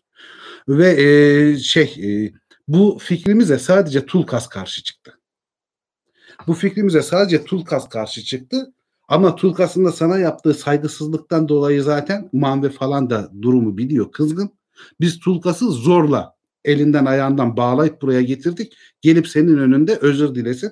Senin affını istesin, senin gönlünü kazansın istedik. Tulkas'ı yüzden kurban Tulkas'ı buraya- Öyle getirdik, zorla getirdik diyor. Tulkas dişini sıkıyor o sırada. Tulkas da o yukarıda henüz duymuyor onu. Tulkas dişini Ama bu karar yukarıda. verirken dişini sıkıyor. Tabii Hani canım yani. Niye böyle diyoruz gidelim kendimiz savaşalım alalım falan diyor. Ama bayağı uyanıklık yani. Tabii büyük hile yapıyorlar. Çünkü şey diyor bak orada çok önemli onu söylemeyi unuttum. Melkon'un diyor saldırılabilir tek yanı Manve kibiridir. Hı hı. Yani kibiri üstünde oynarsak biz bunu büyük savaş olmadan yakalarız. O yüzden de kibirini arttırıcı bir planla işte Nornore'yi gönderiyorlar. Ve e, şey diyorlar yani Tulkas gelecek senden özür dileyecek. Eğer Valinor'a gelmeyi kabul ederseniz Yüce Melkor Aule sizin istediğiniz büyüklükte, istediğiniz şekilde sarayınızı yaparken Makar'ın sarayında ikamet edeceksiniz. Ve size kuleler yapacağız. O kuleler Tanakoyetil'den bile yüksek olacak. Melkor tabi kibrine hemen yenik düşülüyor Armut. Hemen şişinmeye başlıyor. Ha, diyor, "E, sonunda diyor şey yaptı tanrılar diyor nazik ve doğru sözler söylemeye başladılar. Tabi diyor önce eski günlerden kalma kimi haksızlıkları da şey telafi etmemiz gerekiyor. Hani özür dileyecekler falan diye. Ve e, tüm silahlarını bırakarak sarayıma girebilirler ama Tulkas'ı kesinlikle istemiyorum. Tulkas'ı kesinlikle istemiyorum. Ve ben Valinor'a gelmeyi kabul edersem eğer yüce gönüllülük yaparsam Tulkas'ı da Valinor'dan kovacağım. Nornore bunları tabii söyleyince Tulkas ne yapıyor abi? Tulkas çok hiddetleniyor. Ama şey yapmaya gene durduruyorlar. Diyorlar ki bir dur hani tamam halledeceğiz yani sığırsız gürsüz bu işi bağlayacağız. Bir sakinleş. Nornara yukarı çıkıyor işte şeyin Melkor'un bu söylediklerini onlara iletiyor falan. Ve Manve diyor ki bütün şartları kaybediyoruz. ka- kabul ediyoruz diyor şeye e, adamlarına Melkor'un. Bütün şartlar kabul diyor. Bütün üstlerindeki vala silahları bırakıyorlar. Orada tabii sadece vala değil mahiyetleri de gelmiş durumda. Silahlarını mahiyetlerine bırakıyorlar. Mahiyetleri zaten yardımcılar onlarla beraber girmeyecek. Tulkas'ı da zincirleyip tutsak olarak Melkon'un yanına götürmeyi planlıyorlar. O Anganior'la şey yapacaklar. Bileklerini falan saracaklar. Onunla indirecekler. Büyük zulüm Tulkas'a. Tulkas için bir Tulkas İsparta kabul etmiyor falan ama diğer hepsinin kararı bu yönde olduğu için şey yapamıyor. Direnemiyor, kabul ediyor. Tulkas'ı yalandan zincirlenmiş gibi gösteriyorlar. Ama şey diyorlar mesela e, Melko'ya söyleyin Tulkas'ı zincirleyip getireceğiz ve onun emrine vereceğiz. İstediğini yapsın. Cezasını çeksin diye. Bunu duyunca Melko tamam Tulkas da zincirlensin gelsin diyor. Tamam işte. Şimdi Tamam işte. istediğim mallara Ha. sahip olacağım. Onu da diyor zincirleyin getirin diyor işte, ge- gelsin. Valar işte silahlarını mahiyetine bırakıyor. Tulkas'ın da boynuna ve bileklerine doluyorlar zinciri. Onlarla beraber iniyorlar aşağı. Yalnız zincirlerin ağırlığı o kadar büyük ki o büyülü zincirleri Anganio'nun ağırlığı o kadar büyük ki Tulkas bile onları taşımakta zorlanıyor. Öyle bir şey yükü var. Nasıl? Cem şaşırdı bak Cem. Abi şoka girdi. Zorlanmış dedi işte yani bir iki ulan ağır falan demişti. Ama taşımış diyorsun. İşte şeye indiklerinde Melkon'un tahtının yanına, taht odasına indiklerinde orada yanan mangallarla odanın aydınlatıldığı, e, devasa yükseklikte olan şeyin tavanını tutan büyük sütunların diplerinde yılanlar ve çıyanların olduğu, o büyük odaya sürekli kötücül ruhların, iblislerin, şeytanların girip çıktığı, dolandığı söyleniyor. Ee, ve hep böyle çirkin, kötü, kanlı şeylerle dolu. Yani pis bir mekan aslında. e, Yani. Taht odası. Zaten aydınlık günlük güneşlik bir yer beklemiyoruz. Manve diyor ki bak işte geldik. Seni kendi sarayında selamlıyoruz ve Valinor'a gelmeni istiyoruz. Artık gelmelisin diyor. Melko şimdi bunlar bu kadar razı gelmişler. Tulkas'ın da eli ayağı bağlı. Artık şey arsızlığa başlıyor yani. Aynen. Öyle diyor hemen olmaz gelmem diyor. Şeyler var diyor. Ee, sen diyor ilk başta geleceksin. Önümde diz çökeceksin. Biat edeceksin Manve.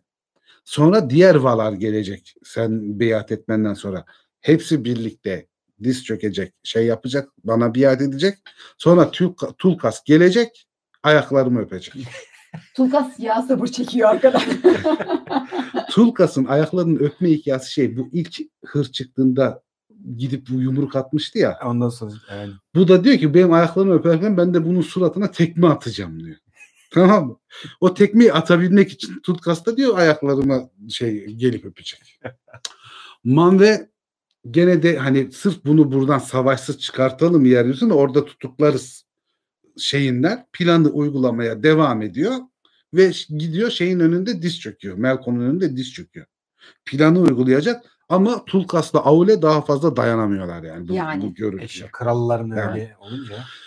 Ve Tulkas o zincirlerin altından zorla yürüyen Tulkas o koca salonda en kenardan şey bir zıplıyor Melkon'un üstüne. Hı. O sırada arkasından Aule geliyor. Aule'nin oğlu bu kitapta oğlu olarak geçiyor. Orome peşinden geliyor. Manve zaten tahtın dibinde diz çökmüş durumda. O kalkıyor. Melko ayağa kalkıyor ve Manve'ye kırbacını savuruyor. O kırbacının demir uçları Manve'ye suratına gelecekken Manve üflüyor ve oradaki saçaklar geri savruluyor. ya. Melko bütün kötü ruhlarını çağırmaya başlıyor yardım etsinler diye. Ama o sırada da o zırhlı eldivenli sağ yumruğunu Tulgas Melko'nun ağzının ortasına yapıştırıyor. Ya işte o an bu an. Bundan üç tane mi alsam acaba? Bu yetmiyor Beş ya. beş öyle pırıl pırıl olsun. Beş bak. ya bu, bu dilek olmasa bizi çeviremeyiz.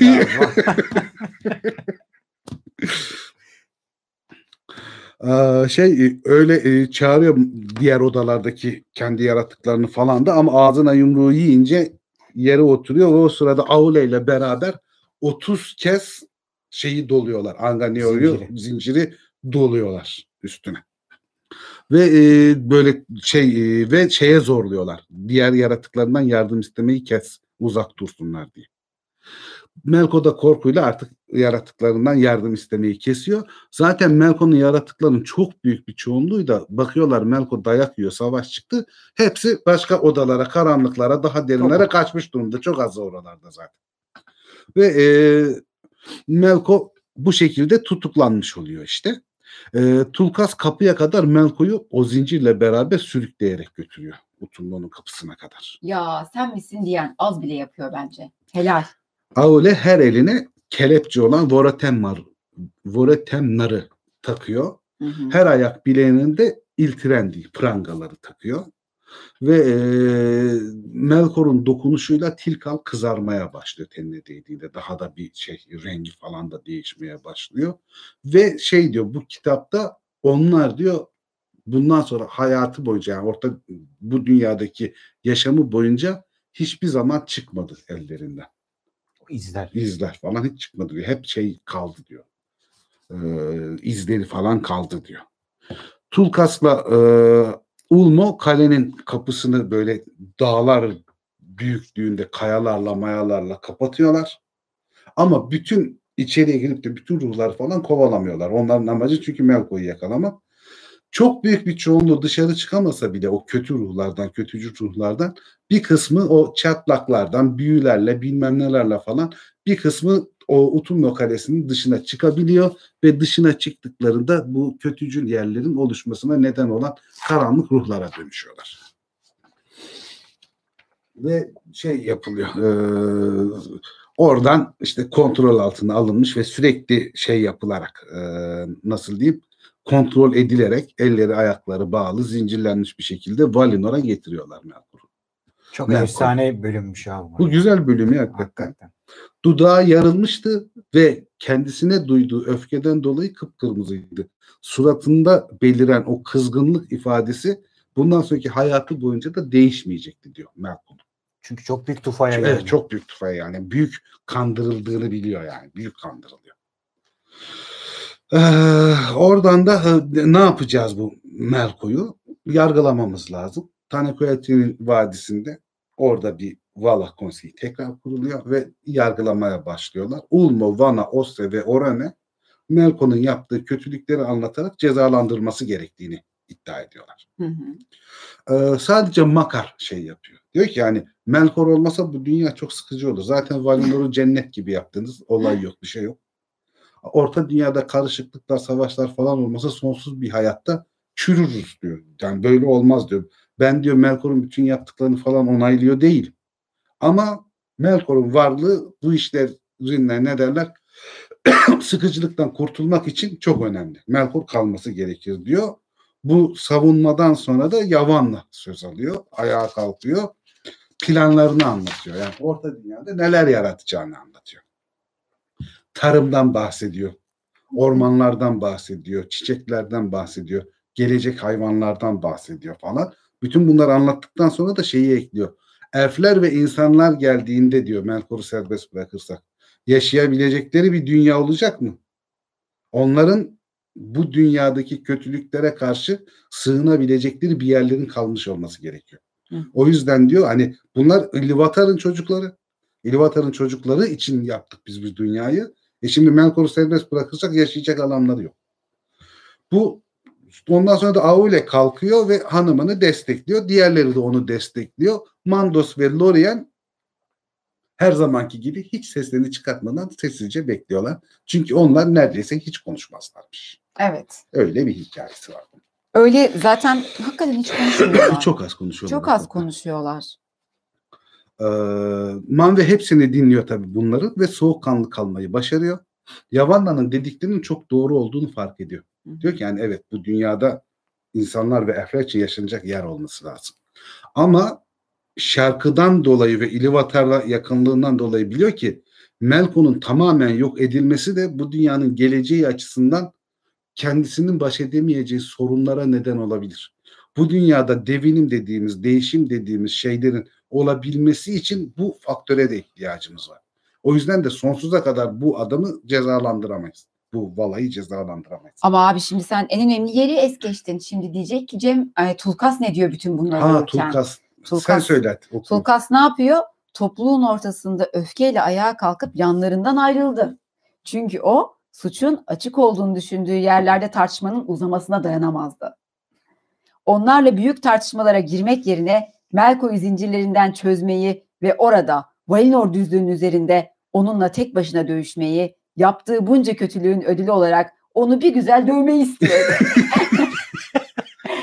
ya yalan diyor ki şöyle güzellikler, böyle güzellikler. Muhammed diyor ki dünya şöyle böyle. O da diyor ki ben bir dövüşseydim. Ben bir döveydim ya. Ben bir şunu döveydim. İşte bu Melkor'un vazgeçilmez bir e, durum olduğunu bildiği için Manve kendi sinirine ve onun hakkında aleyhinde konuşanların haklılığına rağmen şöyle bir karar veriyor. Diyor ki e, Melko tanrıları gücendirdiği için onlara isyan etti, onlara karşı geldi, laflarını dinlemediği için üç çağ boyunca Anganion'la zincirle bağlı bir şekilde Mandos salonlarında şey cezasını çekecek. Hı hı. Üç çağ sonra ağaçların ışığını görmek üzere çıkartılacak ve Tulkas'ın sarayına dört çağ boyunca Tulkas'a hizmetkarlık etmek için verilecek. Ya. Bu dört çağ boyunca hizmetkarlıktan sonra belki yaptıklarını fark edecek ve Valinor'da ona yaşaması için bir alan verebiliriz şayet hak ederse ve orada diğer tanrılarla uyum içinde yaşamasına izin verebiliriz ama bunu hak edip hak etmediğini bu toplamdaki 7 çağ geçtikten sonra karar vereceğiz. O da hala bir ümit. Ben diyorum uslanmaz bir balık burcu Manve diye. Ya bir şey söyleyeyim mi? Dört çağ zaten Tulkas'ın eline verseler onu o bir daha iflah olmaz zaten. Balin orada dövüşür. Her gün dövüşür onunla. Ya Ağzına, ne dövüşmesi? Canı sıkıldı kalkıp bir tane vuracak ağzına. Buna şey e, Yavan'la falan şey yapmıyor. Pek e, razı değil, gönülden razı değil yani. Ama Manve'nin kararı olduğu için tartışılmıyor bu sefer. Ve genelin kararı da buna uyuyor. Bir de Makara, Makar ve Maasa'ya bile bu karar adil geliyor. Şimdi kötücül tanrılar bile adil bulduğuna göre hiç ortalığı bulandırmak istemiyor Manve'de. Manve mesela kapının önünde işte Tulkas dövelim öbürü başka bir şey yapalım dediğinde falan orada belirtiliyor. İyi bir yöneticilik hikayesi de yapıyor orada. Ne yapılması hakkında çıkan fikir ayrılıklarının hepsini de dengelemeyi başarıyor. Vaların kendi arasında kopmamasını da sağlıyor. Bir denge unsuru olarak da Manve'nin kararları çok değerli, önemli. Ve Mandos'un salonlarına götürülüyor şey e, Melko. Melko. Ve e, artık e, Valinor dışında da bir barış zamanı başlamış oluyor. Çünkü Melko yok. Denizin kargaşası hemen azalmaya başlıyor. Dağların altındaki ateşler sönmeye başlıyor. Dünya daha fazla deprem görmüyor, sarsılma görmüyor. Kuzeyin en uçlarından güneyin en uçlarına kadar donmuş nehirler falan çözülüyor. Buzullar en kuzeylerde kalıyor. Hatta Helkar ve Ringil'in arka tarafları denilen yani daha kuzeyi ve daha güneyleri bile belli bir seviyede ısınıyor ve toprağa kavuşuyor. Ve bu soğuk sertlik falan da azalmış oluyor. Ve Palurian bir kez daha dünya üzerine gidiyor. Hani artık bir şey var, rahatlama var. Dünyanın bir şeyi, e, güzelliği var artık. Bir şeyler üretip zarar görmeyeceğini bilerek Palurian gidiyor. Orome de onun yanında gidiyor ve Orome'nin borusu oralarda çınlıyor, hissediliyor. Ve e, Melkor tutuklandıktan hemen sonra bile it üzümleri, şeytan şalgamları, büyük eğrelti otları falan o eski yerlerde ufak ufak büyümüş. Onu görüyorlar. Hemen bir doğa canlanmaya başlıyor. Toprağın üzerinde bir hareketlik oluyor. Sarp kayaların üzerlerinde bile şey diyor böyle rüzgarın e, ve e, denizin getirdikleri iyotla falan yosunlar falan oluşmuş. Kayaların üstü bile bir canlanmaya, organik bir bütünlüğe ulaşmaya başlamış. Ve bütün mağaralar, kıyılar yabani otlarla süslenmiş. Ve e, Osse'nin suları e, içinde de bir canlılık başlamış oluyor. Ve o canlılık sayesinde yosunlarla falan e, kendi yaşam alanını oluşturmaya başlıyor. Doğanın denizler. döngüsü normale Evet, dönüyor yani aslında. yosunlar, yosunlar işte planktonlar, planktonlar daha büyük canlılar falan gibi bir basamaklandırma var. Şimdi Vala büyük toprakların orada uzantısında oturmuş oluyor. Palurian ve Orane alacakaranlıkta orta dünyada çok fazla vakit geçiriyorlar. Ve e, Vefantur tarafından özgür bırakılan e, kuşlar, baykuşlar, yarasalar gökyüzünde orta dünyada görülmeye başlanıyor. Yani kuşlar Valinor'dan büyük topraklara gidiyor. Büyük topraklarda var olmuyorlar öncelikle. Ve e, Lorien tarafından da bülbüller gönderiliyor şeye dünyaya. Birçok kuşun yanı sıra bülbüller de gidiyor. Bu bülbüllerin Valinor'dan gitme hikayesi Beren ve Luthien'de de var. Yani Hı hı. e, Silmarillion'da da var. Bu bülbülü muhtemelen çok seviyor şey. Tolkien özel bir kuş bülbül. Ve o yüzden de şey yapmıyor. Dünyevi yapmıyor bunu. Hep cennetten gönderilen kuşlardan bülbül. Silmarillion'da da e, orta dünyada bülbül nesli üremiyor. Şeyden gidiyor. Valinor'dan gidiyor Hmm. bülbüller. E, Zaten şey e, Lütyen bülbül sesleri arasında dans ediyor. Lütyen bülbül ötüşlü falan anlamına da geliyor bir ismi onun. Tinuviel bülbül ötüşlü müydü ya da Lütyen mi bülbül ötüşlüydü öyle bir şey vardı. Bülbüllerin şarkısı hikayesi. Bunlar yapıldıktan sonra da işte bu karanlık bölgelerin içinde e, şey e, ne derler yaşam alanları artıyor. Melkon'un sarayından çıkan ruhlar bile sadece belli bölgelerin dışına çıkmamaya, oralarda saklanmaya ve gizlenmeye başlıyorlar. Vay be cennet geri geldi. Evet. Sonra e, bu yeni şeyleri gören Ulmo bütün bu bilgilerden sular aracılığıyla haberdar. Denizlerin bu kadar artık cansızlıktan e, şikayetçi ve şey istiyor yani denizlere de canlıların gelmesini, denizlere de hayvanların, bitkilerin olmasını falan istiyor. Bitkilerin yanı sıra denizlere Palurian gidiyor, balıklar veriyor. Balıkların yaratımı başlıyor. Aynı zamanda dip balıkları falan da oluşuyor. Hani sadece şeydeki üstteki balıklar değil, en dipte yaşayan balıklar, devasa yaratıklar, canavarımsı şeyler falan da Paluria'nın e, büyüsüyle oluşmuş oluyor. E, deniz kabukluları, istiridyeler nereden geldikleri belli olmayan canlılar. Bunlar Paluria'nın olmadığı kesin ama nereden dolayı olmuşlar belli değil.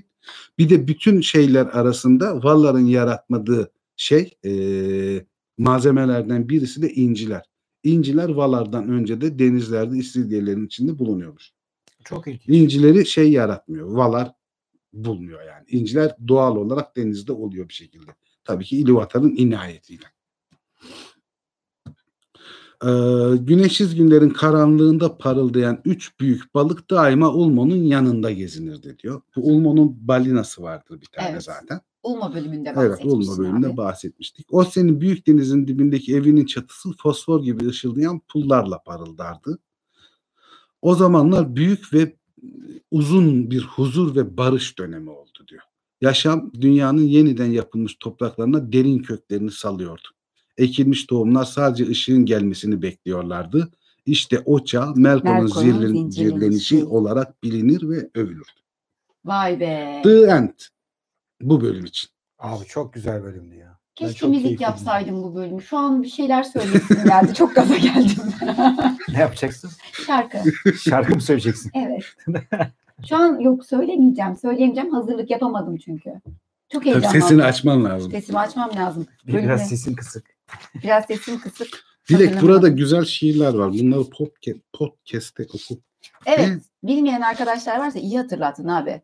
Bölüm sonlarında bazı bölümlerin sonunda, Evet. her bölümün sonunda değil şiirler var. Biz onları Kayıp Öyküler şiirleri diye evet podcast e, olarak Spotify'a e, ekliyoruz. Yani podcast bölümlerimize da- daim olarak ekliyoruz. İlk bölümü okudum. Çok da güzel yani elimden geldiğinin en iyisini yapmaya çalıştım. güzel okudun güzel. Ben dinledim Zor onları. değil yani zor şiir okumak yani yabancı çeviri şiir okumak zaten zor. Tolkien'in şiirleri ayrıyeten zor. Zor. Okunması da zor. Ee, elimden gelenin en iyisini yaptım. Hani elinde kitap olmayan arkadaşlar, merak eden arkadaşlar Evet oradan dinleyebilir. şiirlerden şiirleri. dinleyebilirler. Bu bölümde de güzel şiirler var. Evet. Onları da en kısa zamanda yükleyeceğiz. Bir bölümün daha. Sonuna geldik. Var mı Hey. soru moru bir şey dedim. Hemen Bakalım abi. bakıyorum. Bölüm sonunda Cem'den şey bekliyordum ya. Çıkmadı o. Zafer abi. Hey Ne? maşallah. Hey, hey maşallah daha ne yapsın Tulkas ya. Ya vallahi daha ben ne diyeyim onu da anlamadım. Ee, bir, birkaç soru varsa onları alalım. Ondan sonra da ki bayağı olmuş abi. 9'da başladık. Bir buçuk saat olmuş. Oo. O yüzden hani birkaç sorunuz varsa bölümle ilgili ee, onları Zafer abiye ileteyim ben. Sonra da kapatalım bölümü. Diyor ki Eriol Numenorlu mu? Bunu ilk bölümde onunla ilgili Söyledik ama Söyledik yok Lümenor'da değil. ilk bölümde zaten bahsetmişti Zafer abi Eriol ile ilgili bilgi Geliyor vermişti. İngiltere'den geliyor hocam. Kayıp Öykülerin diğer bölümlerini izlerseniz orada gerekli bilgilere ulaşırsınız. Abi genelde genel sorular geliyor. Biz bu bölümlerin sonunda bu bölümle ilgili sorularınız varsa Bir onları şey okumaya sormuşlar. çalışıyoruz. Tulkas öldü mü yazmış. Öyle bir şey Tulkas, yazmış. Tulkas ölebilir mi ya? Öyle bir şey Bu nasıl bir soru kardeşim? mümkün mü Lütfen ya? mantıklı sorusu. Lütfen. Tulkas ölür mü ya? Tulkas'a bir şey olur mu? Tulkas dövmeden rahatlamaz ki zaten. Başka başka soru yok Tamam. galiba. Tamam abi. Melkor geri gelecek hepinizi dövecek demiş Can Kurtuluş. Olabilir. Olabilir. Mümkün, mümkündür. Mümkündür. O zaman bölümü yavaştan kapatalım. Kapatalım evet. Bir Kayıp Öyküler canlı bölümünün daha sonuna geldik. Haftaya yeni bölümde görüşmek üzere diyelim. Lütfen eğer ilk izleyin izleyişinizse önceki bölümleri de izleyin takibi olsun Evet. en azından kitabın Evet. diyelim. Görüşmek üzere. İyi akşamlar. İyi akşamlar. Sağ olun. İyi akşamlar.